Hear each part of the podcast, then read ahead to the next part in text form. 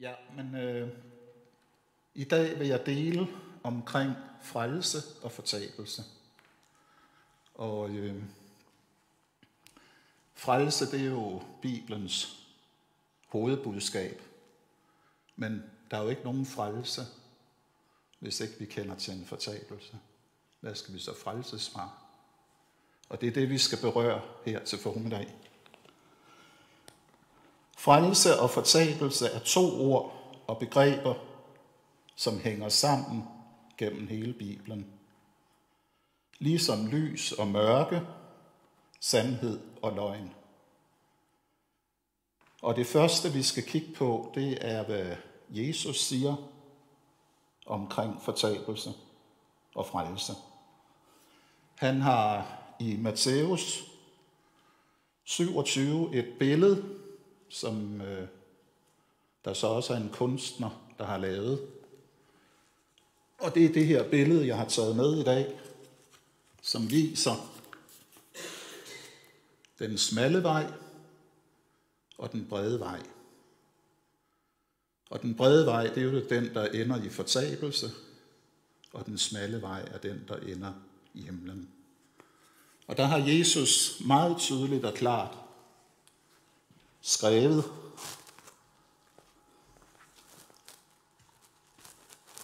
I kan komme op og kigge på det lidt senere, hvis I gerne vil se lidt nærmere. Men Jesus han har sagt tydeligt og klart i Matthæus 7, 13-14, Gå ind af den snævre port, for vid er den port og bred den vej, der fører til fortabelse. Og der er mange, der går ind ad den. Hvor snæver er ikke den port, og hvor trang er ikke den vej, der fører til livet, og der er få, som finder den.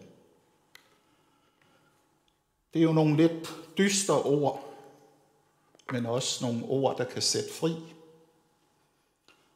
Fordi hvem kan gå ind af den snævre port? Og hvem kan gå på den smalle vej?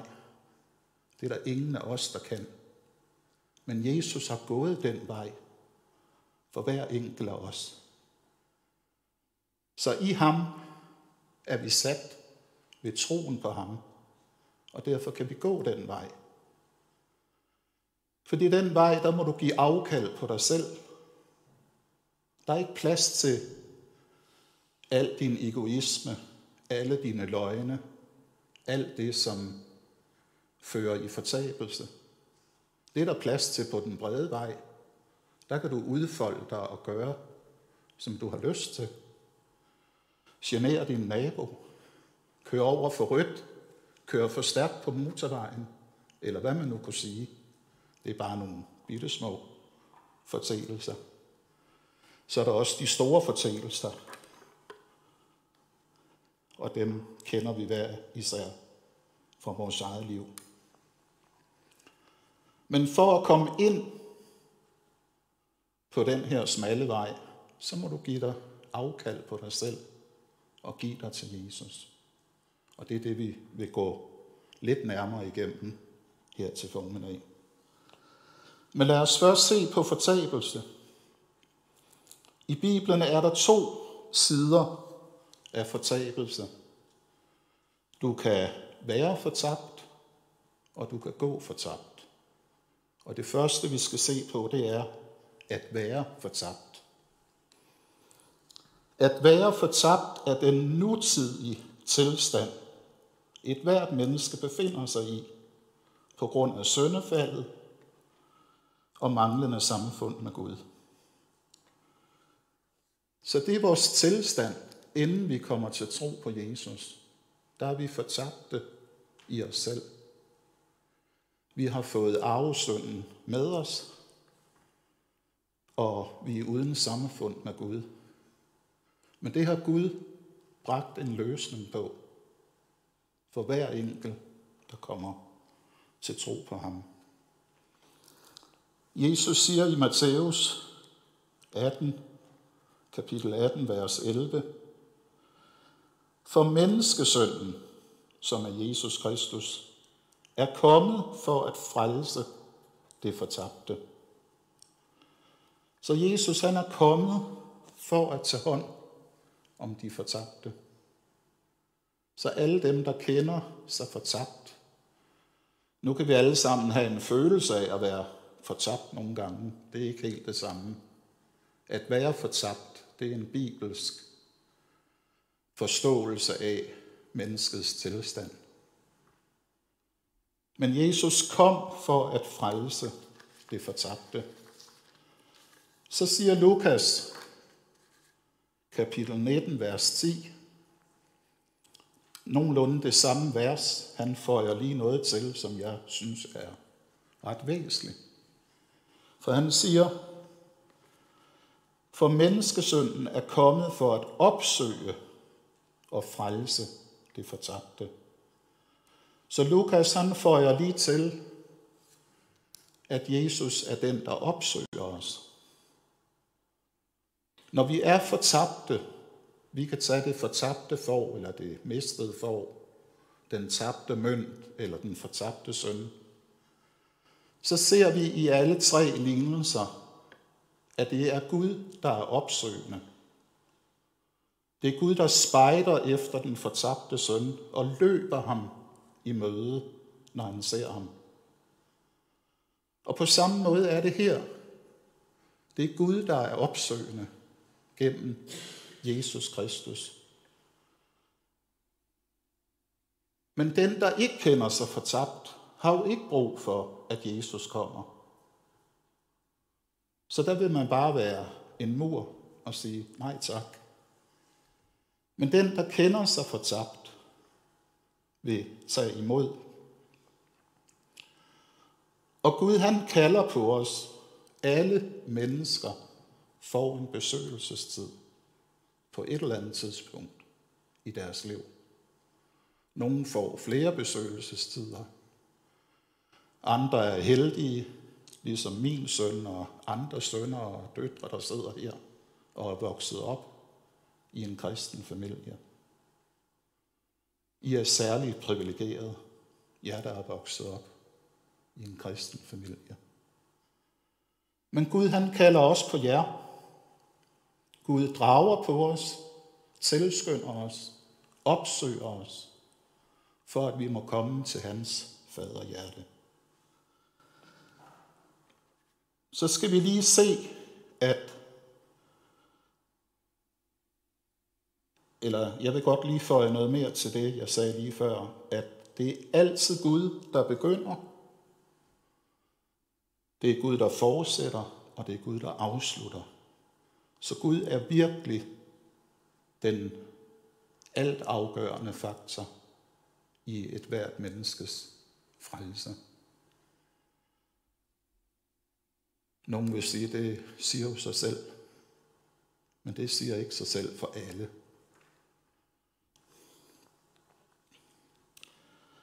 Så skal vi berøre, hvad det vil sige at gå fortabt. At gå fortabt er den fremtidige tilstand, et hvert menneske befinder sig i på grund af manglende omvendelse og tro på Jesus Kristus. Og der vil jeg føje øh, nogle øh, vers til. Paulus han siger i 2. Korintherbrev kapitel 4, 3-4, er også vort evangelium tilhyldet. Er det kun tilhyldet for dem, der fortabes? For dem, der ikke tror, deres tanker har denne verdens Gud forblændet, så de ikke ser lyset, der stråler fra evangeliet om Kristi herlighed, Kristus som er Guds billede. Så evangeliet, som er Guds kraft til frelse, det er tilsløret for dem, der går fortabt. Denne verdens Gud har også blændet deres øjne, så de ikke kan se. Nu er alle fortabte, blinde. De kan ikke se, før Jesus giver dem at se. Og evangeliet er Guds herlighed, Kristi herlighed, Guds billede på, hvad det vil sige at have fællesskab med Gud.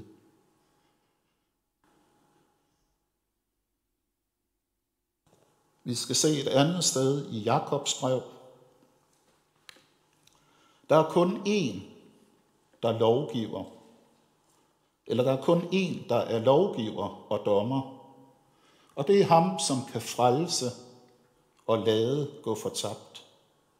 Men du, hvem er du, som dømmer din næste? Hvad vil det sige at lade gå fortabt? Det vil sige, at Gud igen og igen og igen og igen har forsøgt at kalde på os, drage på os, for at få os ind i hans favn. Men Gud tvinger ikke nogen. Gud, han er ikke, hvad skal man sige, en slavehandler. Det er djævlen, der er en slavehandler, og djævlen vil helst ikke give slip. Djævlen vil gerne gøre det umuligt for os mennesker at se, hvad vi har fået i evangeliet. Men Gud, han er lovgiver og dommer, og det er ham, der kan frelse. Og så til tider må han også lade mennesket i sin egen genstridige vilje, for det er jo det, vi har. Vi har en genstridig vilje som mennesker. Vi vil ikke altid det Gud vil. Vi vil helst det, vi selv vil. Og det er et tegn på vores genstridige vilje. I romerne, der siger Paulus, de, som har syndet uden lov, eller uden loven, vil også gå fortabt uden loven. Og de, som har syndet under loven, vil blive dømt efter loven.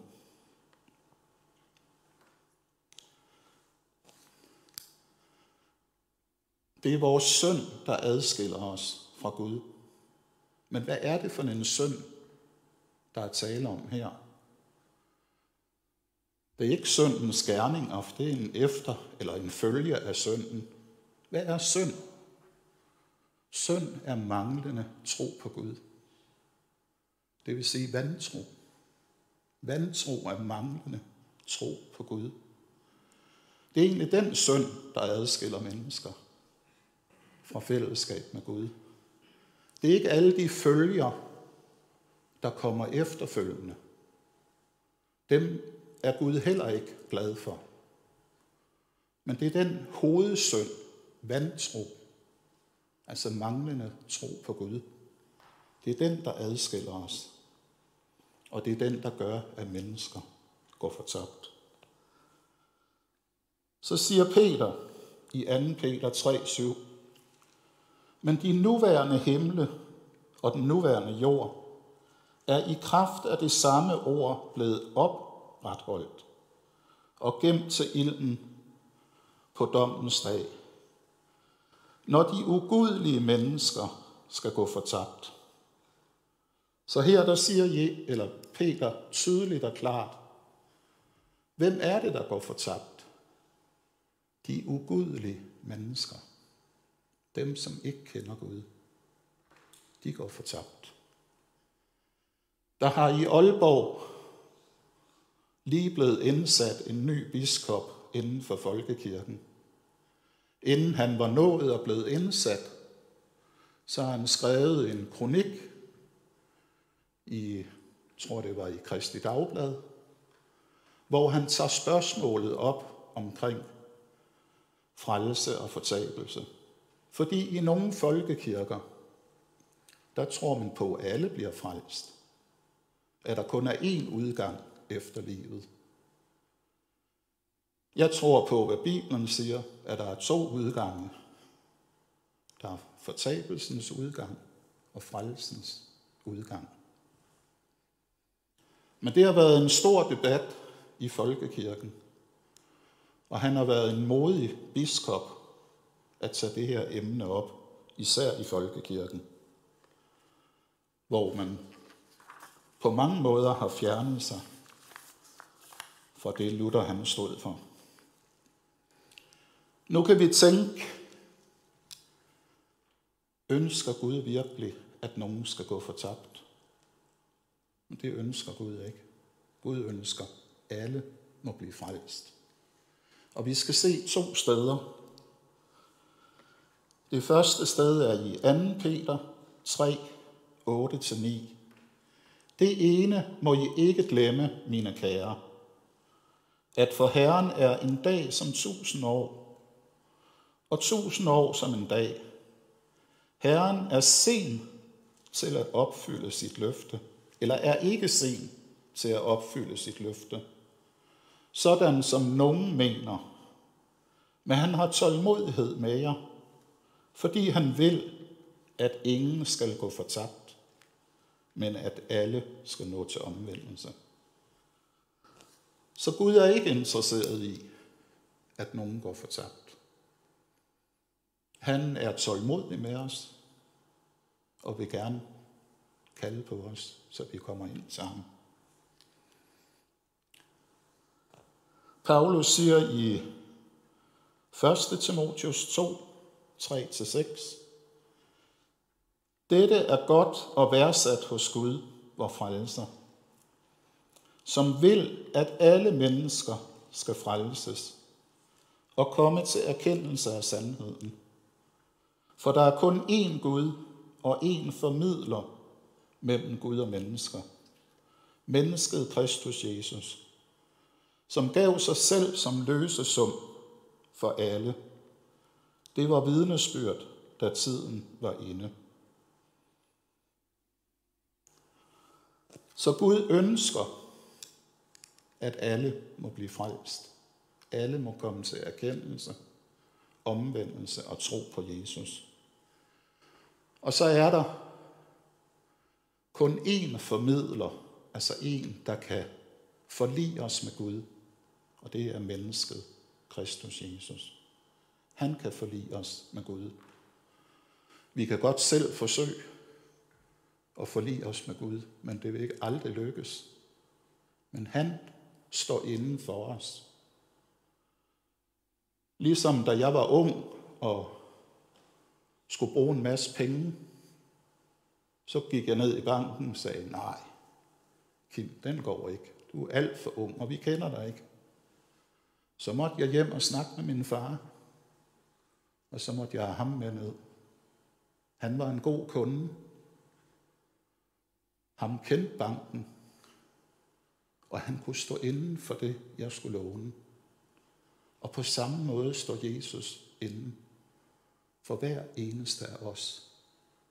Med den højeste pris, som kan betales sit eget liv, sit eget blod. Det er en stor frelse. Så lad os se, hvad siger Bibelen om frelse. Det er som sagt det største emne i gennem hele Bibelen. Men det er også et ord, som mange måske ikke kender. Vi kender godt til, øh, hvis der har været et forlig ude på havet, og nogen ligger derude, så bliver de frelst, altså taget op af vandet, for de kunne ikke selv svømme ind til land. Men frelse er også et gammelt nordisk ord, som oprindeligt betyder frihals. Det vil sige, at de her slaver, der havde en ring omkring deres hals, og den var nittet sammen, så de var nødt til at holde sig til det, som slaveherren sagde til dem. Det at blive frelst, det er at blive frihalset, altså få den her lænke af. Det er også sådan, det er med slaverne i USA, at der var der nogen, som kæmpede for, at de skulle blive sat fri af deres slaveri. Der blev skrevet en erklæring, et brev, som blev sendt rundt. Men det var kun de slaver, som troede på det, der stod i brevet, som blev frie. Der var mange, som stadigvæk fortsatte med at være slaver. Selvom de på brevet kunne læse, jeg har min frihed. Og på samme måde er evangeliet et frihedsbrev til os alle.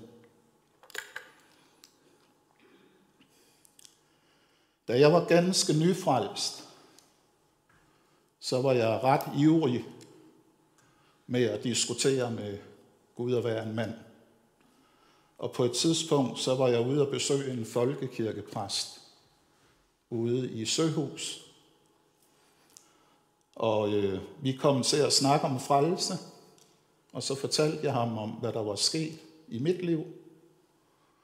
Og jeg holdt jo stramt fast på, at, at det var mig, der havde kommet til Gud. Det var mig, der havde valgt Gud. Det var mig, der havde sagt ja til Jesus. Og han blev ved med at sige det modsatte. Og jeg var faktisk ret øh, rasen, da jeg kørte hjem. Øh, og lige bag ved Søhusskolen, der kom der bare et ord, som slog alt fast i mit liv. Og det har fulgt mig siden. Og det står i Romerne, kapitel 9, vers 16. Du kan selv læse hele sammenhænget. Det er nogle kapitler, som der er mange, der ikke bryder sig om. Luther han kaldte dem øh, fast føde. Men de skal bare læses ud fra den rette forståelse. Så kan man godt tyk på kødet. Men der står i vers 16, og det ramte mig der på cykelstien lige bag ved Søhusskolen. Altså beror det ikke på den, der vil, eller på den, der anstrenger sig, men på Gud, der viser barmhjertighed. Så ud af Guds barmhjertighed, der havde Gud draget på mig, kaldt på mig, søgt mig, opsøgt mig. Men jeg havde ikke helt forstået det, at det var det Gud han gjorde. Jeg havde bare forstået, at det, der skete med mig, var ud fra min synsvinkel, ud fra mit perspektiv.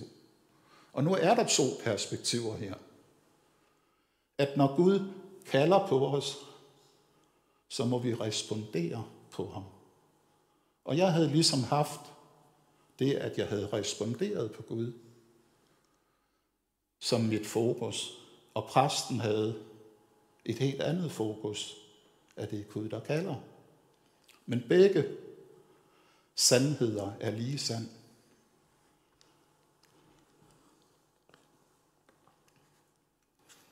Men det har også været dejligt befriende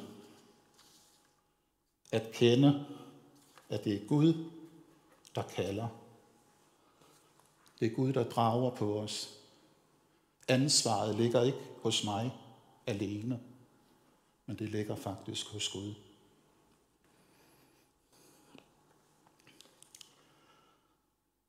Frelsens centrum,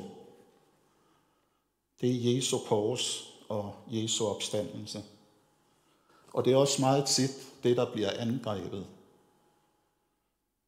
hvis man lægger mærke til det, eller det vi ikke får i fokus. Men at vi får alt andet i fokus. Paulus han siger det sådan her. For vel er ordet om korset en dårskab for dem, der fortabes. Men for os, der frelses, er det en Guds kraft. Så ordet om, hvad Jesus gjorde på korset, det er Guds kraft ind i vores liv. Det er det, der sætter os fri. Fri til at respondere på Guds kald. I Pauli tid, og sikkert også i dag, kan der være debat. Er Jesus virkelig opstået? Er der nogen opstandelse fra de døde?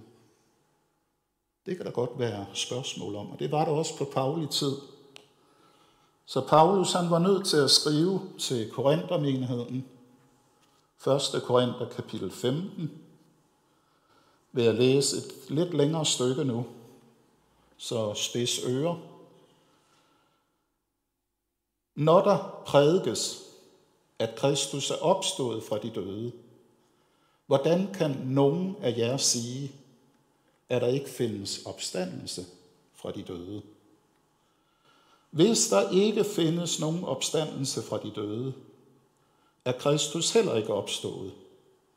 Men er Kristus ikke opstået, er vores prædiken tom, jeres tro er også tom. Vi kommer så til at stå som falske vidner om Gud. Fordi vi har vidnet imod Gud, at han har oprejst Kristus, som han altså ikke har oprejst, hvis der heller ikke hvis, der, hvis de døde ikke opstår. For hvis døde ikke opstår, er Kristus heller ikke opstået. Men er Kristus ikke opstået, er jeres tro forgæves. Så er I stadig i jeres sønder, så, I, så er også de, der er sovet hen i Kristus, gået fortabt. Har vi alene i dette liv sat vort håb til Kristus, er vi de yngværdigste af alle mennesker. Så hvis Kristus ikke er opstået, så er der ikke nogen opstandelse af de døde. Så er jeres tro tom. Jeg står her og prædiker tomt og lyver for jer af et falsk vidne. Men nu er Kristus opstået. Og det er det, Paulus han siger lidt længere nede. Men nu er Kristus opstået fra de døde, som førstegrøden af dem, der er sovet hen. Fordi døden kom ved et menneske, er også de dødes opstandelse kommet ved et menneske. For ligesom alle dør med Adam, skal også alle gøres levende med Kristus.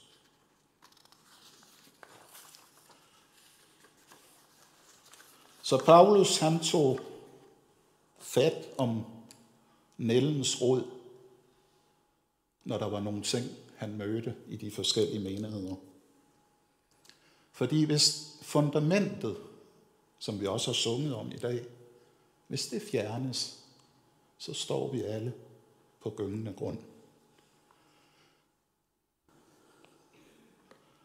I den første menighed,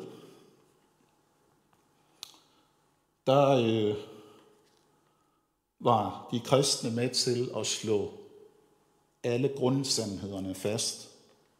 Og det gør Paulus også, eller Peter også her i, i Apostlenes Gerninger, kapitel 4, vers 8-12. For han slår fast, at der kun er frelse i navnet Jesus. Fyldt af Helligånden svarer Peter dem, folkets ledere og ældste. Når vi i dag bliver forhørt på grund af en velgærning mod en syg mand, hvordan han er blevet helbredt, skal I alle, ja hele Israels folk vide, at det er Jesu Kristi Nazareans navn. Ham, som I korsfæstede, men som Gud oprejste fra de døde at denne mand står rask foran jer. Jesus er den sten, som er blevet vraget af jer byggemester, men som er blevet hovedhjørnestenen. Og der er ikke frelse i noget andet. Ja, der er ikke givet mennesket noget andet navn under himlen, hvorved vi kan blive frelst. Og det er kernen at ham de korsfæste har Gud lavet opstå, og der er kun frelse i hans navn. Og jeg vil sige til enhver af jer, hold fast. Det er de sidste tider, og vi må som Guds folk og Guds menighed holde fast i de her grundsandheder. Der er mange, der gerne vil sætte spørgsmålstegn ved Guds ord. Så læs Guds ord, tag det til dig. Paulus han siger det på den her måde. For jeg skammer mig ikke ved evangeliet. Det er Guds kraft til frelse for enhver, som tror. Både for jøde øh, først og for græker. For i det åbenbares Guds retfærdighed af tro til tro, som der står skrevet. Den retfærdige skal leve af tro. Så i evangeliet, der er Guds kraft til frelse. Det er igennem at høre evangeliet, at Gud han ved Helligånden lader troen vokse frem i vores liv. For der står af tro til tro. Og det er Guds tro, som så også bliver vores tro.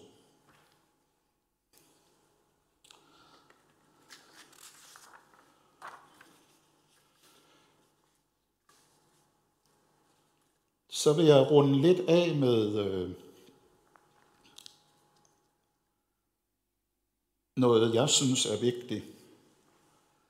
I mange frikirkesammenhæng, og nu er det til jer, jeg taler, der øh, vil man gerne lægge vægt på viljen, at jeg siger ja til Jesus. Og jeg siger ikke, der er noget forkert i det her. Men jeg vil gerne slå et slag for troen at det er ved troen, vi modtager frelsen.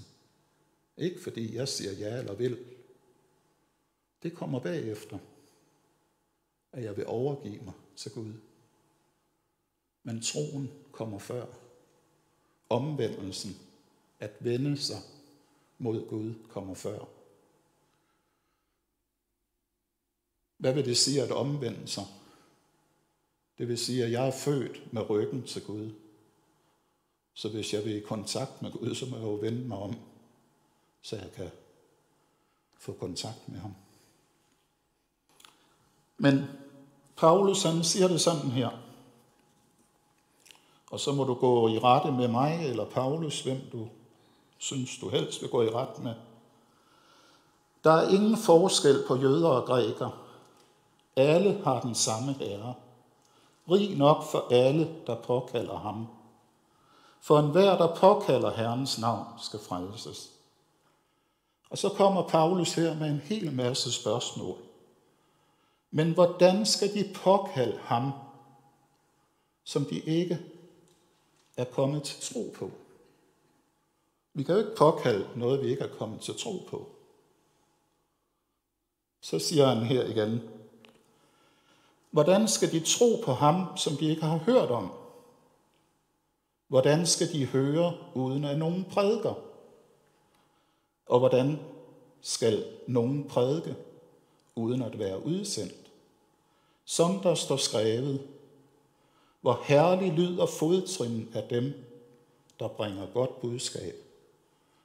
Dog var det ikke alle, der adlød budskabet, for Isaiah siger, Herre, hvem troede på det, de hørte af os? Troen kommer altså af det, der høres, og det, der høres, kommer i kraft af Kristi ord. Så hvis vi skal have en tro, så må der være nogen, der prædiker. Nogen, der er udsendt til at prædike, så vi kan høre Kristi ord og dermed få tro. Så vil jeg slutte af med med frelsens ABC. For skulle der nu sidde nogen her, som ikke kender, hvem Jesus er, og ikke er kommet til tro, så vil jeg meget enkelt beskrive for dig, at syndens erkendelse i vores liv, den kommer igennem Guds hellige lov, de ti bud. Omvendelse fra synd, Det sker ved Guds godhed og nåde. Det er ikke noget, vi kan gøre selv, men det er ved hans nåde og godhed. Tro på Jesus Kristus alene, og du er frelst ved Guds nåde alene. Og så vil jeg bare læse to enkelte vers for dig. For er noget er I frelst ved tro, det skyldes ikke jer selv. Gaven, gaven er Guds. Det skyldes ikke gerninger, for at ingen skal have noget at være stolt af. Så her siger Paulus, det skyldes ikke jer selv. Det er en gave fra Gud. Det skyldes ikke nogen gerninger i vores liv, for at vi ikke skal have noget at være stolt af. Og så til allersidst, øh, Johannes 3:16. For således elskede Gud verden, at han gav sin enborgne søn, for enhver, som tror på ham, ikke skal fortabes, men have evigt liv.